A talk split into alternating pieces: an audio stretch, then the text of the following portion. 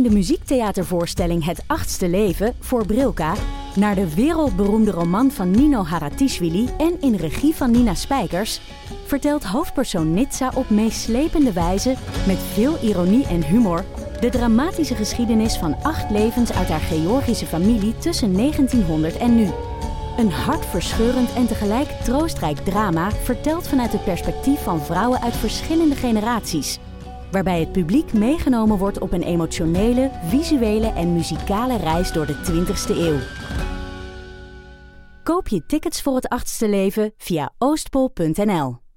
Schaamteloos Randstedelijk is dé podcast voor jonge mensen in de stad op zoek naar houvast. Iedere aflevering houden wij, Doortje Smithuizen en Perre van den Brink, de jonge steling spiegel voor.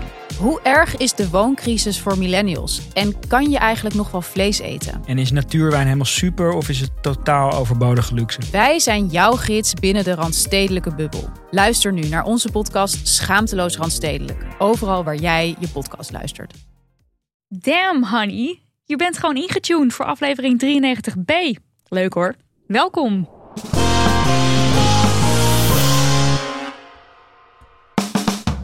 Damn Honey, de podcast over shit waar je als vrouw van deze tijd mee moet dealen. Mijn naam is Nidia. En ik ben Marilotte. Hoe vaak denk jij dat we nog moeten uitleggen hoe het werkt met deel A en deel B? Ik denk nog één keer. Nog één De ander. laatste keer. Oké, nou, ik zal een poging doen.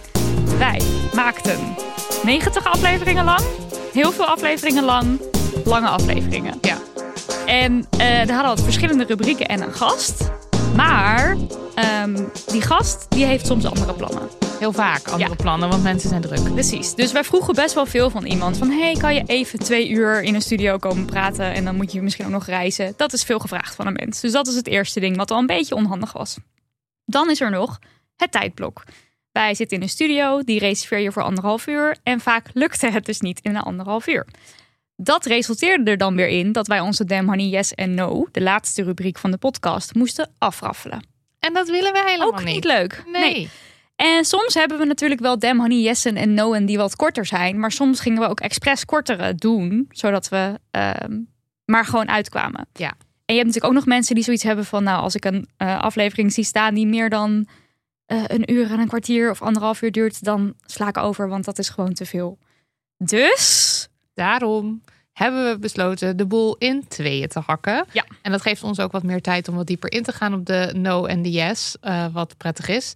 Ehm, dus daarom zitten we nu hier. Je luistert nu naar deel B van aflevering 94. In deel A was eh Kautar Bougalig de gast. En eh, over, Over klimaat, klimaat, ja. klimaatverandering. En in deel- dit deel praten we met z'n tweeën verder over iets.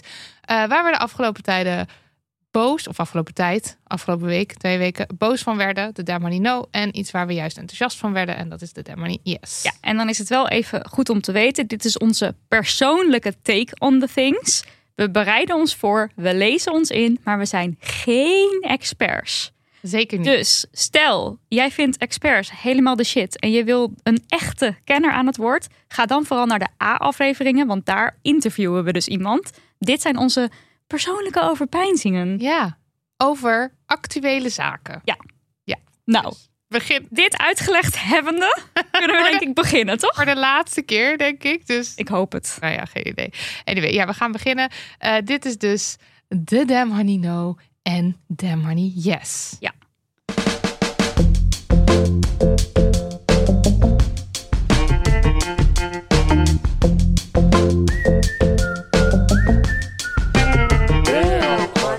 Nidia, wat is je no? Mijn damn honey no is ehm, racisme en discriminatie op de werkvloer bij de politie. Dat Dus- klinkt als een no. Ja, dus dit is ook meteen een trigger warning dat ik het daarover ga hebben. Nou, het is niet bepaald geheim dat er sprake is van racisme, discriminatie bij de politie, toch? Als in, Nee, als ik, ik, dit zeg, dan denk jij niet, wow, wat zeg je nu? Dit is nieuw voor mij. ik heb het idee dat ik dat veel heb gelezen ook eh, als eh, koppen in het nieuws. Ja, hè? dat dat aan de hand Ja. is. Dat daar gewoon iets eh naars zit. Nou, we hadden bijvoorbeeld al een tijd terug klokkenluider Fatima Abuluafa. Zij heeft racisme, intimidatie en discriminatie bij de politie blootgelegd. Maar wat gebeurde er toen? Niet de mensen die ehm eh, dader zijn van deze dingen, die werden weggestuurd, maar zij werd weggestuurd. Ja. Dit is alweer eventjes geleden.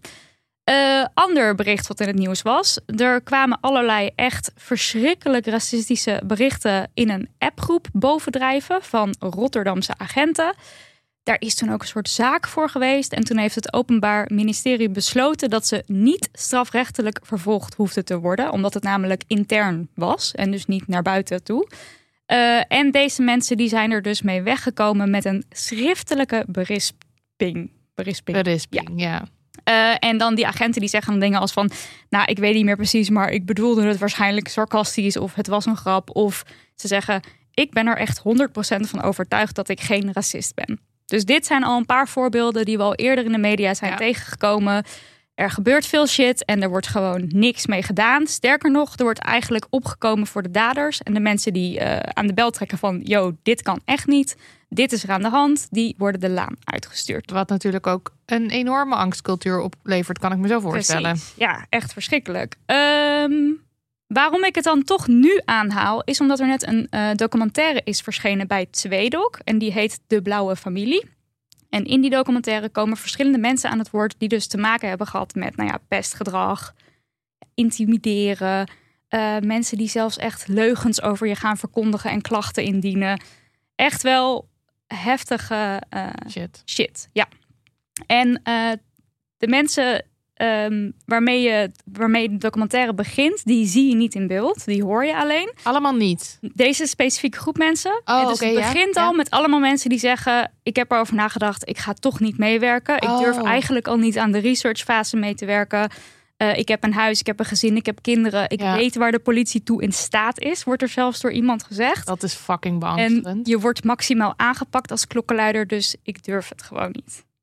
Jezus. Ja, ik vond dat al echt... Dat geeft natuurlijk al echt een heel erg beeld van... Ja, wat dus blijkbaar de cultuur is. Maar er zijn dus wel mensen voor de camera Ja. verschenen. Ja, met naam en toenaam. En echt mensen die ook al eh nou, 10, soms meer dan 30 jaar al bij de politie werken. En die dus allemaal zo hun eigen verhaal hebben. Heel erg dapper vind ik het. Eén natuurlijk omdat ze mogelijk consequenties gaan dragen hiervan. Sommigen zijn al weg. Sommigen zitten in een soort proces van weggaan. Maar ook zit ook wel iemand bij die wel echt wil blijven werken bij de politie.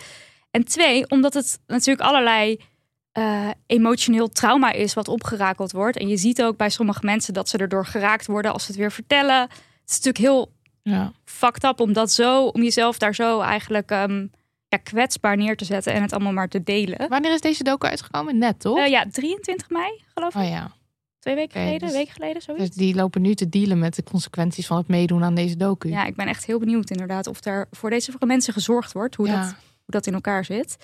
Eh, en ook wel bijzonder, die mensen die aan het woord komen, dat zijn eigenlijk stuk voor stuk mensen die zeggen, de politie, daar werken, dat is echt mijn droom. Weet je, het zit echt in mijn hart en nieren. Eh, het is ehm, Met passie. ja, mijn Alles. passie. Het is een deel van mijn identiteit. Eh, dit is alles wat ik vanaf jongs af aan af wilde. En toch zijn er dus nu een aantal bij die zeggen nooit meer. Ik wil er echt helemaal niks meer mee te maken hebben. Dus dat zegt ook wel wat over, weet je wel, je hart ligt er zo en toch is Ja, dit je- hoe je er nu in staat. Je bent dus zo teleurgesteld in hoe het daar aan toe gaat dat je, dat je al die. Dat je gewoon kapot gemaakt Ja, Nou, ik heb even een paar voorbeelden die ik ehm, uit zal lichten, zodat je een beetje een idee krijgt. Want het is natuurlijk als je zoiets hoort van racisme en discriminatie, nou, zo'n appgroep, daar kan je dan wel iets bij voorstellen. Maar wat zijn dan nog meer dingen? Mhm. Er is bijvoorbeeld een agent die vertelt dat bij zijn allereerste beoordeling, hij kwam eigenlijk net van de middelbare school, waar hij echt vet goed was, uitblinker qua cijfers, qua sport, altijd goed met iedereen overweg kunnen. De eerste beoordeling die hij kreeg was op één voldoende na. Dat ging namelijk over zijn eh, fysieke voorkomen, zijn uiterlijk, zeg maar. Dat Ja. hij er gewoon netjes verzorgd uitzag, dat was een voldoende. De rest allemaal onvoldoende. Dus bijvoorbeeld zijn ehm, eh, dat hij eh, zijn eh, werk, hoe zeg je dat? Je ethiek of dat je er Ja, je work ethic, dat je Ja. niet hard genoeg werkt. ja, dat. Ja, en dan vroeg hij van waar kan je dat toelichten? En dan was het zo van ja, dat is gewoon het beeld wat ik van jou heb. Het is gewoon het beeld wat ik van jou Maar- heb. en hebben we het hier over een Zwarte man van kleur? Ja, oké. Ja. Dan had je nog ehm Suleiman Ortac. Die heeft zich jarenlang ingezet voor de georganiseerde misdaad om dat aan te pakken. Echt nationaal, internationaal niveau. Echt een agent die gewoon kopstukken uit de criminele onderwereld achter de tralies weet te krijgen. Echt een held, zou je Ja. kunnen zeggen. Zo wordt hij ook door andere mensen omschreven in de documentaire. En hij heeft dus op een gegeven moment kritiek gegeven op hoe er omgegaan werd met informanten. Er werd namelijk iemand vermoord, een informant. Terwijl hij had gezegd, yo, die informant die moeten wij of loslaten of bescherming bieden, want dit kan niet. Deze, Ja. Dit gaat niet lukken. Die man is toen doodgevonden, die informant. En toen hij daar kritiek op gaf, was de reactie, joh, als jij kritiek op ons hebt, dan gaan we jou eventjes onderzoeken. En dan hebben wij nogal wat over jou te vinden. Jezus Christus. En toen hebben ze dus inderdaad iets gevonden, namelijk eh, zijn werk is best gevaarlijk. En hij heeft dus op een gegeven moment toen zijn eh, zoon ging verhuizen, heeft hij opgezocht of dat een veilige omgeving was voor die zoon. Dus je kan denk ik, ik weet niet precies hoe dit werkt, maar in systemen kijken, zijn daar bepaalde types die daar in de buurt wonen, die, waarmee ik te dealen heb gehad als agent. Hij zegt ook, ik had dat eigenlijk ehm, via doen. officiële weg moeten doen Ja. of whatever. Hij legt dat helemaal uit. Maar goed, nou is hij dus degene die verhoord wordt. In plaats van andersom. Want hij levert kritiek. En dan is het dus meteen... Nou, wij weten jou ook nog wel ergens op te pakken. Deze man die heeft dus echt meer dan 30 jaar werkervaring. Hè? Dus het is ook gewoon een soort van, eh, oké, nu zin je ons niet meer en eh, we gaan je nu gewoon aan de kant zetten. Het is heel erg zo van, je staat aan onze kant of niet. Of te- je bent voor ons of Ja. tegen ons, ja. is ook iemand in de documentaire die dat zegt. Dan waren er nog twee agenten die heel actief zijn binnen de Caribische gemeenschap in Rotterdam. En zij zeggen van ja, de politie die is heel vaak reactief. Oftewel, er gebeurt shit, de politie komt. En deze mannen die waren heel erg bezig om binnen dat netwerk, voordat er iets gebeurt, al Ja, dus in gesprek te zijn. Weet je wel, gewoon Ja. aan, ja, op een hele positieve manier eigenlijk in de gemeenschap te staan. Nou, wat zei dan de leiding? Ja, eh, heb je niet een beetje te veel contact met die gemeenschap? Het draagvlak is wel heel erg groot. En dan word je dus langzaam buitenspel gezet. Word je zwart gemaakt, karaktermoord. Weg met jou, want jij staat aan de verkeerde kant. Niet? Ja. Wat is dat voor bizars? Echt verschrikkelijk. Dan Want je er- leest altijd over dat het zo goed is als de politie in de haarvaten van de maatschappij Dit is zit. precies wat je wil van de politie, Ja. toch? Zeg maar, je, Je wil, wil- niet je dat er iets gebeurt en dat ze dan komen om een crimineel in de boeien te slaan. Ja, of dat, dat het criminele geboe überhaupt niet van de grond komt. Ja, en je wil ook niet dat er iets gebeurt en dat ze dan komen en dat ze dan opeens ontdekken: wow, dit is echt veel groter dan we dachten. Dit is onze pet boven. Je wil juist dat ze daar al in zitten en weten wat er speelt. En zodat ze informatie krijgen voordat er shit gebeurt. Precies. Ja, het lijkt, is- ook, het, dit lijkt me ook gewoon heel logisch. En als, als je het over hebt, denk je, dit is helemaal top. Maar blijkbaar is dit hoe er dus mee om werd gegaan Nee. bij deze twee mannen. Ehm, dan had je eh, Dwight van Van de Vijver, als ik het goed uitspreek. En hij ehm, gaf aan dat er... Er zijn af en toe mensen die gewoon openlijk racistisch zijn in your face. Maar ook soms onderhuids. En dat je bijvoorbeeld een chef kan hebben die jou gewoon de hele tijd laat weten dat je minderwaardig bent. Zonder dat misschien zo hard te zeggen. Mhm. En hij zei daar best wel iets heftigs over. Hij zei namelijk: Ik behandel liever tien verhangingen dan dat ik een jaar onder zo'n chef moet werken. Ik heb liever PTSS door iets dat buiten gebeurt. De politie spreekt van buiten als in in het werkveld. Ja. En binnen is op de werkvloer Intern. onderling bij de politie. Eh, dus dan dat ik dat krijg doordat iemand mij het leven zuur wil maken omdat ik in zijn ogen minderwaardig ben. Ja, Dat- echt. En hij zei ook iets van. eh, eh, wat ik buiten mee. Ik heb echt verschrikkelijke dingen buiten gezien en meegemaakt. Maar wat ik op de vloer zie of wat ik binnen zie, is gewoon nog veel erger. Heel heftiger. Ja. Ah, Oké, en dan had je nog één laatste verhaal wat ik wil delen. Van eh Bilal Abdou. Ehm, hij, hij kwam op het spoor, of hij kwam erachter dat zijn collega verkracht was door een andere collega. Nou, gewoon verschrikkelijk verhaal. Toen heeft hij daarop gereageerd, zoals hij zelf zegt, vanuit emotie. Met, nou, als ik die andere collega tegenkom, dan eh, krijgt hij een pak slaag. Dat heeft hij gezegd, Ja. Toen heeft hij ook in de documentaire gezegd: Dat is heel dom. Ik had dat niet moeten zeggen. Ik heb dat vanuit emotie gezegd. En ik weet ook wie de billen brandt, die moet op de blaren zitten. Ik zal dealen met de consequenties die er voor mij zijn. Want ik heb dit nou eenmaal gezegd. Ik had het niet moeten zeggen. Maar wat gebeurde er? Hij werd opgeroepen om met iemand te praten. En dat bleek dus iemand van eergerelateerd geweld te zijn. Werd hij in een kamertje gezet met verhoorapparatuur. En vervolgens kreeg hij vragen zoals: Wat is je afkomst? Zei hij, nou, Marokkaans. Wat is je religie? Moslim. Ja, ouders ook? Ja. Wat voor kleding dragen je zusjes? Hoe kijkt je familie tegen Nederlanders aan? En hij zegt dus zelf: Het was een schoolvoorbeeld van islamofobie. Jezus. En hij voelde zich letterlijk een terrorist. Die islamofobie is ook echt raging Ja. binnen de politie. Ja, ja, ja. Ik, ja, ik- je het zijn gewoon know, je weet er niks op te zeggen, omdat Nee. het gewoon verschrikkelijk Ik kan is. overal zeggen, Jezus, wat erg. Maar ik Ja. weet het ook Nee, ik snap het, ja. Maar ik wilde toch even toch een paar dingen uitlichten. Om maar gewoon eens te laten zien op hoeveel niveaus ehm, dit speelt. En op het moment dat je een krantenkopje leest, dan denk je, oh wat erg. Ja, of er zitten een paar rotte appels tussen. en dat zo. is ook hoe ze zelf er onderling over spreken. Ja, Van, dat- oh, dat zijn rotte appels, zijn Ja. rotte appels. Maar ondertussen is dit dus de cultuur waar, ehm, ja, die dus eh, gaande is. Ehm, nou, dit zorgt er dus voor dat sommige mensen dus weggaan bij de politie. Eh, er was één man die zei, mijn, ik heb tegen mijn zoon gezegd, zolang je leeft ga je nooit naar de politie. En dit is dus dit is zo'n man die dus daarvoor nog zegt, de politie was echt, dit is het vak wat ik, weet je wel, Ah, oh, hij zegt, eh, als, eh, eh, je Hij is- mag nooit naar de politie, Ja, je mag tegen nooit eigen werken. dat weet, nou, hij zegt, ga nooit naar de politie tegen. gewoon überhaupt. Ik weet niet in welke, of die dan bedoelt om te werken of gewoon überhaupt niet. Maar gewoon de, de, de, De het is gewoon zo verschrikkelijk alles wat, je, wat hij er heeft meegemaakt. Ja. Ehm, mensen zitten met trauma's thuis, slapeloze nachten. En de leiding, die doet er dus niks mee. Die neemt het niet serieus. Er wordt bijvoorbeeld iemand gezegd die over iemand die eh, racistische scheldwoorden eruit gooit, wordt er gezegd, ja, dat is stoom afblazen. Dus dan, dan worden er super racistische dingen bijvoorbeeld over iemand gezegd die je hebt opgepakt. En dan is dat, ja, dat is gewoon stoom afblazen. En dan, Als, en dan, als jij als collega ernaast staat en je bent bijvoorbeeld zelf een zwarte man en het gaat over een zwarte man, dan moet je dat dus maar accepteren, Ja. want dit is stoom afblazen. en, ander, als jij, en als jij er iets uitflapt, dan is het dus meteen eergerelateerd geweld. Blijkbaar. Ja. Ja. Of eh, je bent te emotioneel Ja. als je aankaart dat, het, dat er iets aan de hand is.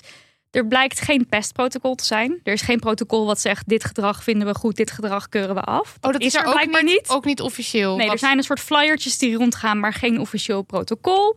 En eh, je ziet dus dat er bij zo'n schan- schandaal met die racistische appjes... dat er dus iemand schriftelijk berispt wordt. Maar dat, daarmee zeg je eigenlijk tegen de complete politie... Ja. ja, we vinden dit wel oké. Ja. Of tenminste, we vinden het niet zo erg dat er iemand ontslagen wordt hiervoor. En die cultuur die wordt in stand gehouden omdat als er een nieuwe lichting komt, dit is ook iemand uit de documentaire die dit zelf vertelt, die kijkt, die nieuwe lichting, die kijkt natuurlijk om zich heen. Die kijkt, hey, hoe gedragen de andere agenten zich? Wie heeft hier eh, een leiding, een leidinggevende functie? Hoe gedraagt die persoon zich? Ja. Op het moment dat die hoofdagenten zogenaamde grappen, want het zijn natuurlijk geen grappen, maar racistische grappen maken. En jij ziet dat als jonger persoon, dan denk je, oh, dit, dit moet ik doen om erbij te horen. En dus hou je het in stand. En Ja. die mensen die zitten er weer 30, 40 jaar. Dus dit is een soort van never-ending situatie waar je dan in terecht komt. En ondertussen is de politie, politie dus wel actief op zoek naar diversiteit. Ja. En zijn ze aan het werven, van, eh, bicultureel talent aan het werven. Maar die mensen, die verliezen ze allemaal gaandeweg. Ja. Want ja, je komt daar een soort van fris en enthousiast binnen. En je denkt, oh, toffe baan. Eh, ze zoeken mij, ze willen mij. Verziekte Ehm, cultuur weg. Precies. Terwijl de minister die denkt, oh, nou, die zijn goed bezig. Eh, allemaal mensen van kleur die bij de politie werken. Maar dat is dus niet zo. Want iedereen die, of nou niet iedereen, maar heel veel mensen die moeten dus afhaken. Ze Ja. zou niet eens afhaken willen noemen. Je wordt gewoon weggepest. Ja. Ja, omdat het niet serieus genomen wordt. eh, en de veiligheid ook niet gewaarborgd wordt van de mensen. En wat ik dus bizar vind. Het schijnt dus zo te zijn dat er op elk politiebureau een bord hangt met artikel 1 van de grondwet. Discriminatieverbod. Zo van iedereen die in Nederland woont, die moet gelijk behandeld worden. Maakt niet uit wat je afkomst la is. Dat zeg maar. Dat hangt op elk politiebureau. Maar het is dus niet zo dat je als agent, hoofdagent, leidinggevende denkt. Oké, maar iedereen in mijn team die zich ook maar enigszins gedraagt op een manier van: ik vind dat een onzinnig gebod ja.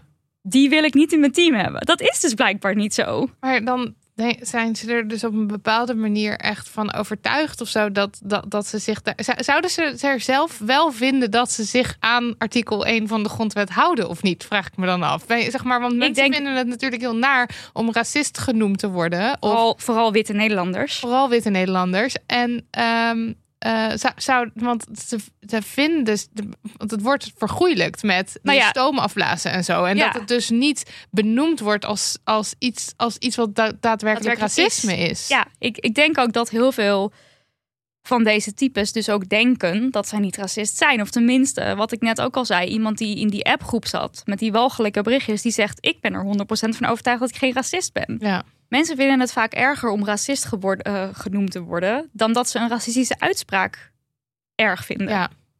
We, typ, volgens mij typisch ook iets, iets Nederlands. Ja, omdat het dus heel vaak eh, afgedaan wordt als een grapje. Of dan moet je maar tegen kunnen, of dat meen je toch niet echt. En Ja. het- je kan het dus gewoon. En op het moment dat je benoemt dat het racisme is, dan ben jij, de, ben jij Ja, degene de, kwa- die. de, de ja, kwaaddoener. En dan sta je dus, dan ben je tegen ons. ja, En dan hoor je er niet meer bij. En het is natuurlijk een organisatie met heel veel macht. Ehm, nou ja, we zien ook natuurlijk etnisch profileren. Dat, is dan, dat valt dan even onder buiten. Hè? Dus niet op de werkvloer, maar dat is ook iets wat de politie doet. En het zou natuurlijk in geen enkele organisatie, in geen enkel bedrijf, in, op geen enkele school of noem het maar op, zou dit geaccepteerd moeten zijn. Maar dat een organisatie zoals de politie met zoveel macht zo in en in verrot is van binnen. En dat er dus niks gebeurt, dat er geen sancties zijn. En, en dit ik is. vind het echt. Maar het is ook, het is een organisatie met zoveel macht. Maar het is ook de organisatie die jou zou moeten helpen. Want ik, ik als, als, nou ja, als wit mens Ja. vooral, denk altijd als er iets gebeurt, dan is er de politie. Ehm, De politie is je vriend de of politie is een zogenaamd. vriend. En ik bedoel, toen er eh, ingebroken werd bij ons twee jaar geleden, was ik wel meteen van: oké, de politie gaat ons helpen. Was trouwens helemaal niet zo'n prettige ervaring toen. Maar eh, ik- mijn, mijn, dat was denk ik de eerste keer dat ik echt met de politie te maken had. En, maar ik ging daar heel erg in van: de politie is je vriend. Maar je ziet ook bij demo's dat dat niet waar is. De politie is je vriend. Nee, ik, ik weet dat ook wel. En toch eh, heb ik wel zoiets van die. Ik, ik, ik heb zelf als wit mens niet. eh, Je hebt gewoon heel veel privileges daarin. Ja. ja. En dat zo'n organisatie dus niet doet aan een soort, weet je wel, in ieder geval een soort opbouwende zelfkritiek of zo. Of daar dan dus wel, want dat er eh, altijd, zeg maar, ons hele. Onze hele maatschappij is natuurlijk verrot. Ik bedoel, er is net toegezegd dat er in de Belastingdienst inderdaad etnisch geprofileerd wordt. Dus je kan maar weer zien dat er heel veel organisaties zijn waarin er racisme is. ja. Maar dat daar dus op de een of dat daar niet kritisch naar gekeken wordt, dat daar in principe dus niks mee gedaan wordt, dat vind ik echt heel schokkend. Dat is het ook. En je ziet bijvoorbeeld in Londen, daar is dus in afgelopen februari is de hoofdcommissaris opgestapt vanwege racisme, seksisme en homofobie binnen het korps. Dan denk ik, hoezo gebeurt het hier niet? Ja. Gewoon bij, bij, de, bij de eerste schandalen al. Waarom, hè? Hoeveel documentaires of hoeveel dingen moeten er nog naar buiten komen met, ehm, eh, met een soort van heftig bewijsdingen, maar ook, ook dingen die dus niet goed te bewijzen vallen. Maar gewoon al die onderhuidse opmerkingen, dat gaat natuurlijk ook, dat, dat snijdt in je. Dat, Ja. dat trek je niet, maar daar heb je niet altijd een soort zwart-wit bewijs van. Nee. En er was ook een eh, rechter, of nee, een advocaat die aan het woord kwam in de docu. Die zegt: Ik heb agenten bij mij die iets hebben meegemaakt wat ik zwart op wit voor een rechter kan presenteren. Maar zij zeggen: Ik wil niet naar de rechter, want ik weet wat de consequenties zullen zijn. Dus het- Ja. de angstcultuur Is in- is echt huge. Ja, en nou ja, wat jij net al zei, ehm, Nederland heeft een racismeprobleem. En met dit toeschalen schandaal hebben we dan nu iets van erkenning gekregen na Ja. heel veel moeite. Waar de mensen niks aan hebben. Nee, waar we nog niks aan hebben. Maar dat schijnt dus wel de allereerste keer te zijn dat er dus op dat niveau Iets wordt toegekend of toegegeven dat het inderdaad institutioneel racisme is. En was er niet ook zo'n eh podcast-serie over de brandweer? Waarin ook dat allemaal Ja, in This American Life is de, is de brandweer. eh, Ja, In is niet Amsterdam. zozeer op landelijk niveau, maar de eh, Amsterdamse Ja, brandweerkorps. maar goed, ik bedoel ook om maar weer om aan te geven hoeveel wat er allemaal zit. En dat je er dus Ook die waarschijnlijk masculine, masculine macho eh Ja. culturen. hè? En dat je dus waarschijnlijk bij al die culturen en dan vooral de masculine macho culturen, denk ik, dus waarschijnlijk daar zou je een docu of een podcast over kunnen maken. Ja. En dan zie je maar weer. Maar het is gewoon best wel vreselijk dat zo'n docu er dan dus gemaakt moet worden voordat. Nee, ik, ik weet niet of er überhaupt. Dat is dus, dat vraag ik me dus nu ook af. Want wat gaat er nu gaat gebeuren? gebeuren. Net zoals met dat, eh met dat toeslagenschandaal. Wat nu dan? Ja, Ik, ja, ik heb er een hard hoofd in. Ik denk, wat willen ze dan? Wat? Er moet vanuit die organisatie echt wel bij de politie, daar moet echt worden ingezien. Oké, we zullen mensen moeten ontslaan. We zullen mensen moeten aanspreken. Ook mensen waarbij we dat nu niet doen, omdat we vinden dat ze een, nou ja, weet ik veel, een track record hebben waar we trots op zijn. Want Ja. ze hebben altijd zoveel gedaan voor ons. Terwijl ze hebben niet iets gedaan voor ons. Ze hebben alleen voor de witte collega's heb, waren ze er. Of voor de cis-hetero collega's. Want het is natuurlijk, ik heb het nu voornamelijk over racisme gehad, maar het gaat ook over eh, haat tegen eh, mensen. queer mensen. Ja. Ja. Ehm, dus ja, ik, het is echt weer dat je denkt, hoe de ook fuck weer- gaat zo'n logge organisatie, als ze zo onwillend zijn, er, ja, er moet van, ja, van hoger af of zo, de, moet iets gebeuren. Ja. Nou goed, je kan een petitie tekenen als je Nou, dit nou yes. allemaal hoort. In ieder geval iets wat je kunt doen. Nou ja, en ik die- vind het ook toch wel weer een reminder van spreek je toch alsjeblieft uit. Ik, er zullen misschien wel mensen luisteren die bij de politie werken, maar misschien wel mensen die niet bij de politie, maar op een school werken waar, waar wel eens een transfobe grap gemaakt wordt. Ja. Of op een, eh, in een bedrijf waar, we, waar wel eens eh, een racistische opmerking. eh, weet je wel, spreek je gewoon altijd uit. Er zijn juist witte allies nodig, juist mannelijke allies nodig als je het over seksisme hebt. En er zijn juist Cis- cis-hetero ja. allies nodig in al die situaties. En hoe meer mensen opstaan en het niet pikken, hoe, ja, dan moet het wel op een gegeven moment gaan stoppen. Maar iedereen lacht maar mee. Iedereen is zo van, nou, ik ga niet degene zijn die nu moeilijk doet. Ja. Ga massaal moeilijk doen. Ja, en teken die petitie.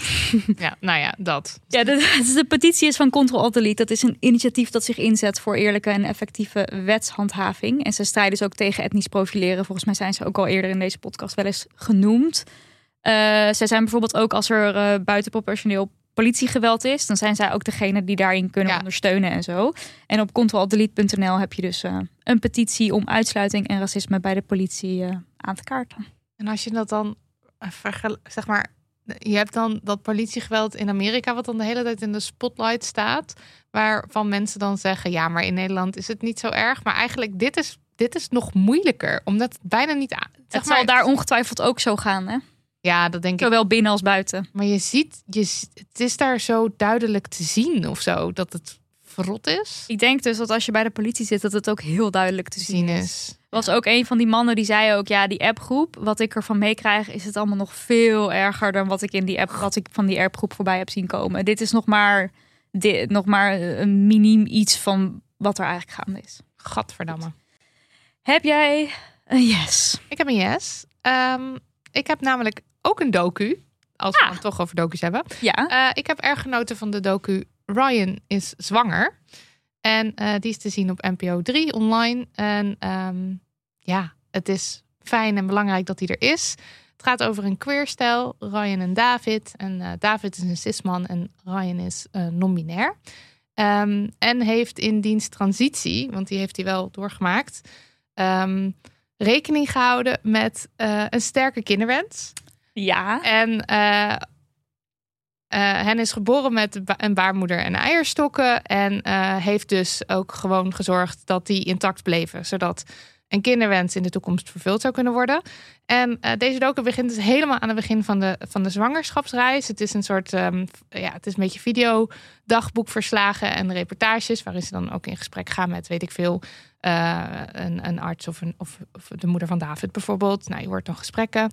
En het is een heel cute stel. dat is erg schattig. En David vindt het dan allemaal, allemaal heel spannend. Ook voor Ryan.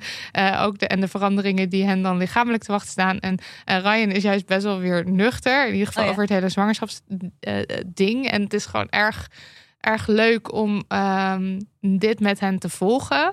Het begint ook met dat Ryan stopt met testosteron en dan dus meteen al zegt: ja, eh, met, met testosteron was het erg moeilijk om te huilen. Nou, nu ben ik gestopt en nu zit ik helemaal vol emoties. Dat Oh, is dan ja. een verschil wat die eh, meteen merkt. En ehm, daarna dan, eh, dan wordt Ryan zwanger. Dat duurt even volgens mij. Het gaat maakt echt een sprong van een jaar of zo bijna. Omdat het dus even duurt voordat eh, een lichaam daar dan weer aan gewend is. Eh, en dan eh, is Ryan zwanger. En dan volg je ze dus in dat hele proces. En wat, nou ja, het is dus heel. ik vond het heel erg leuk om te zien. En ook wel ehm, bijzonder, omdat dit natuurlijk een gezinsvorm is. Wat je dan. Eh, zij, zij zeiden ook: we kennen zelf geen gezinnen die zo samengesteld zijn Ja. zoals wij. Je ziet het Dus ook we- niet in de flyers of whatever. Nee, Als je zwanger bent, zal je dat niet snel tegenkomen. En ze kunnen er niet over praten met mensen, Ja. omdat zij gewoon de enige zijn die dit doormaken, tenminste voor zover zij weten. Ja. En ehm, dus dachten ze, we gaan dit documenteren ook om dit maar gewoon te laten zien aan de Mhm. mensen, wat ik dus echt heel erg leuk vind. Maar wat dus vooral zo pijnlijk duidelijk wordt weer in de docu, is natuurlijk hoe heteronormatief en hoe cisnormatief de wereld is. ja. En kijk, ik dacht in eerste instantie van, oh ja, dan heb je dan bijvoorbeeld als het kind geboren is met, eh, met aangifte. Nou ja, dat was ook zo, maar het begint echt zoveel eerder al. Ehm, want je, eh, het is, het is bijvoorbeeld zo dat Ryan wilde gaan zwangerschapszwemmen. Eh zeg eigenlijk met alles is het zo dat Ryan er eerst over na moet denken Oh, of ja. die dan welkom is ergens. En weet je wel, dan, dan Hoe gaat er gereageerd hoe worden? gaat er gereageerd worden? Is er wel Je plek kan voor ook mij niet een soort in de massa opgaan bij zo'n sportclubje. of- Nee. En, en zeg maar, je, je hebt best, best wel veel mensen te dealen natuurlijk. Weet Mhm. ik veel van, van eh, kleding, kleding kopen in een winkel tot inderdaad dat zwangerschapszwemmen. En de hele tijd moeten ze een soort van zichzelf uitleggen. Ja, ja. En, eh, en dat is eigenlijk best wel ja, ja, pijnlijk. Want dat is heel erg niet wat Ryan wil. En ehm, wat en waar ook- je zwangerschap niet om zou moeten draaien. Nee, want het gaat natuurlijk om het zwanger worden. En ergens, volgens mij, heeft, heeft hij dat een keer in een post gezegd: van ja, mijn hele. Al mijn ervaringen zijn nominair, mijn leven is nominair en mijn zwangerschap is ook nominair. Eh, ik, ik, ik koppel dat helemaal niet aan vrouwelijkheid. Mhm. Maar wat het voor mij moeilijk maakt, is de hele tijd die continue reactie van de buitenwereld dat wel doet. op mijn zwangerschap. Ja. En ja, dat kan ik me dus best wel goed voorstellen. Vooral ook als je het dus zo ziet. Want het is dus dan is er een, een moment dat eh, blijkt omdat Ryan eh door diens transitie ehm, met een M geregistreerd is bij diens werk, ja. heeft hij geen recht op zwangerschapsverlof. Dat En dat, en wordt uiteindelijk wel geregeld, Ja, voor zover ja. ik kan zien. Maar dat is, dus, dat is dus waar vrouwen, mensen met een V in hun paspoort, zeg maar, gewoon recht hebben daarop. Eh, Oké, ik vind dit bizar. Je Ja. zou denken, je bent zwanger, je krijgt zwangerschapsverlof. Ja. En dat het niet is, je bent zwanger en even kijken wat er in je paspoort Oh, staat. een M, dus je, je krijgt het niet. Hetzelfde wauw. met bijvoorbeeld dingen vergoed krijgen via de zorgverzekering. Oh. Gewoon omdat, omdat er dus een M staat, is het echt error.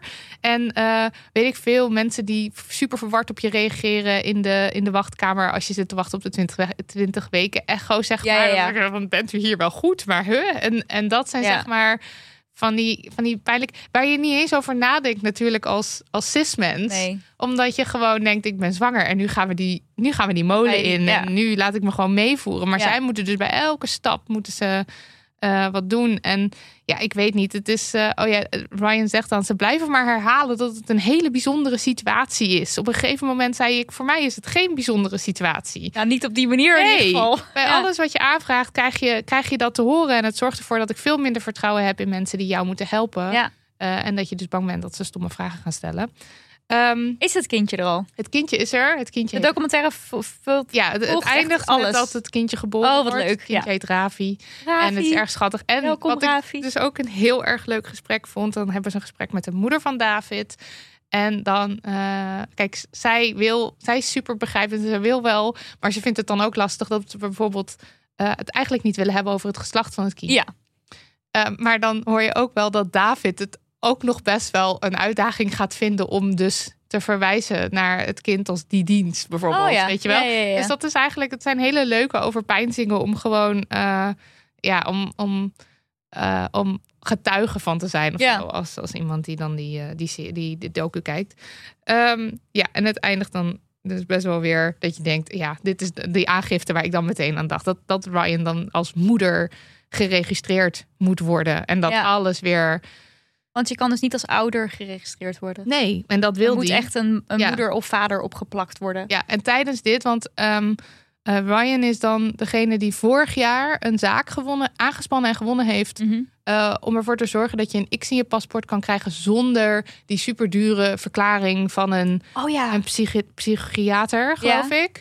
Eh, want die kost 250 euro. En dan moet een psychiater zo zeggen van ja, deze persoon heeft wel zoveel gender, genderdysforie, die mag een X. ja, bizar. En nu hoeft dat niet meer, heb je die verklaring niet nodig. Dus dat is ook weer, hopen ze, een stap in de richting dat bijvoorbeeld een baby ook geregistreerd kan worden met een X. Oh, ja, ja, ja, Eh, ja. maar ja, daar zijn we nog lang niet. Want de Nee. baby, baby genderneutraal eh, eh, registreren, dat is ook zo. Je ziet de error, zeg maar, bij de mevrouw van de gemeente helemaal zo gaan. dit kan niet, dit kan niet. Dus ehm, Dat wordt ook dus gefilmd. dat wordt gefilmd, Ja. En het is, het is ja, en, en, en het is, ze eindigen dus daar zo een beetje. Hmm. Ehm, ik kan hem wel echt gewoon aanraden, omdat ja, het is, het is, het is heel cute en erg leuk. En ook wel gewoon even goed pijnlijk. ehm, Ja. het, ja, ze zeggen ook ergens in een interview van ja, hoe, hoe eh, beperkt is onze maatschappij ook. Dat je gelijk als, als nieuwe ouders meteen in al die genderrollen en al die verwachtingen wordt gedrukt. En het is Maar gewoon, juist bij baby's, toch? Ja, maar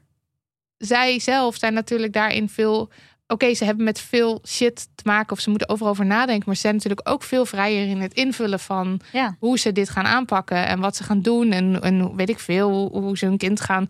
Nou ja, welke voornaamwoorden ze voor hun kind gaan gebruiken. En wanneer, want ze zeggen dan ja, want het kind mag dan op het moment dat eh, die zich een jongetje of meisje voelt, dan gaan we daar gewoon in mee. En dat Ja. is dus wel, ja, het is. zijn van die dingen waar je, waar je denk ik als hetero cis stel misschien ook niet zo snel over nadenkt. Oh nee, dat denk ik dat heel veel mensen er niet over nadenken. Ja.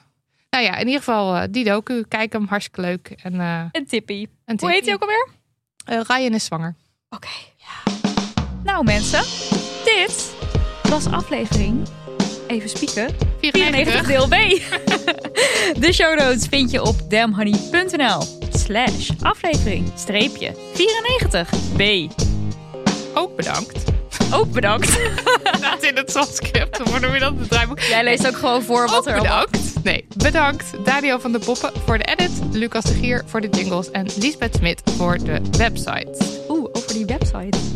Ja. Gaan we dat Ja, nee, vertellen? sowieso. Staat Ja? ook in het draaiboek.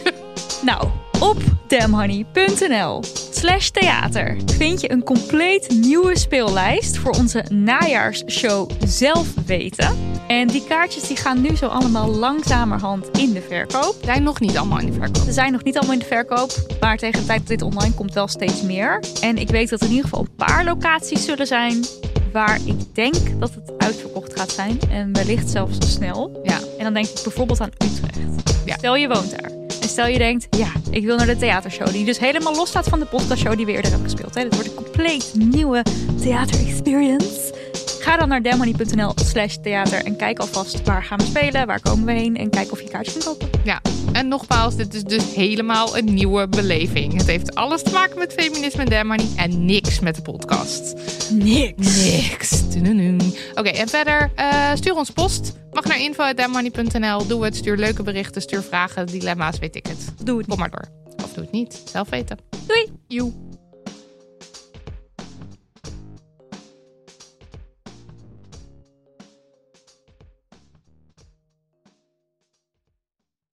Nog even over die grootse en epische muziektheatervoorstelling. Het achtste leven voor Brilka is een marathonvoorstelling van 5 uur. Koop je tickets voor deze bijzondere theateravond via oostpol.nl.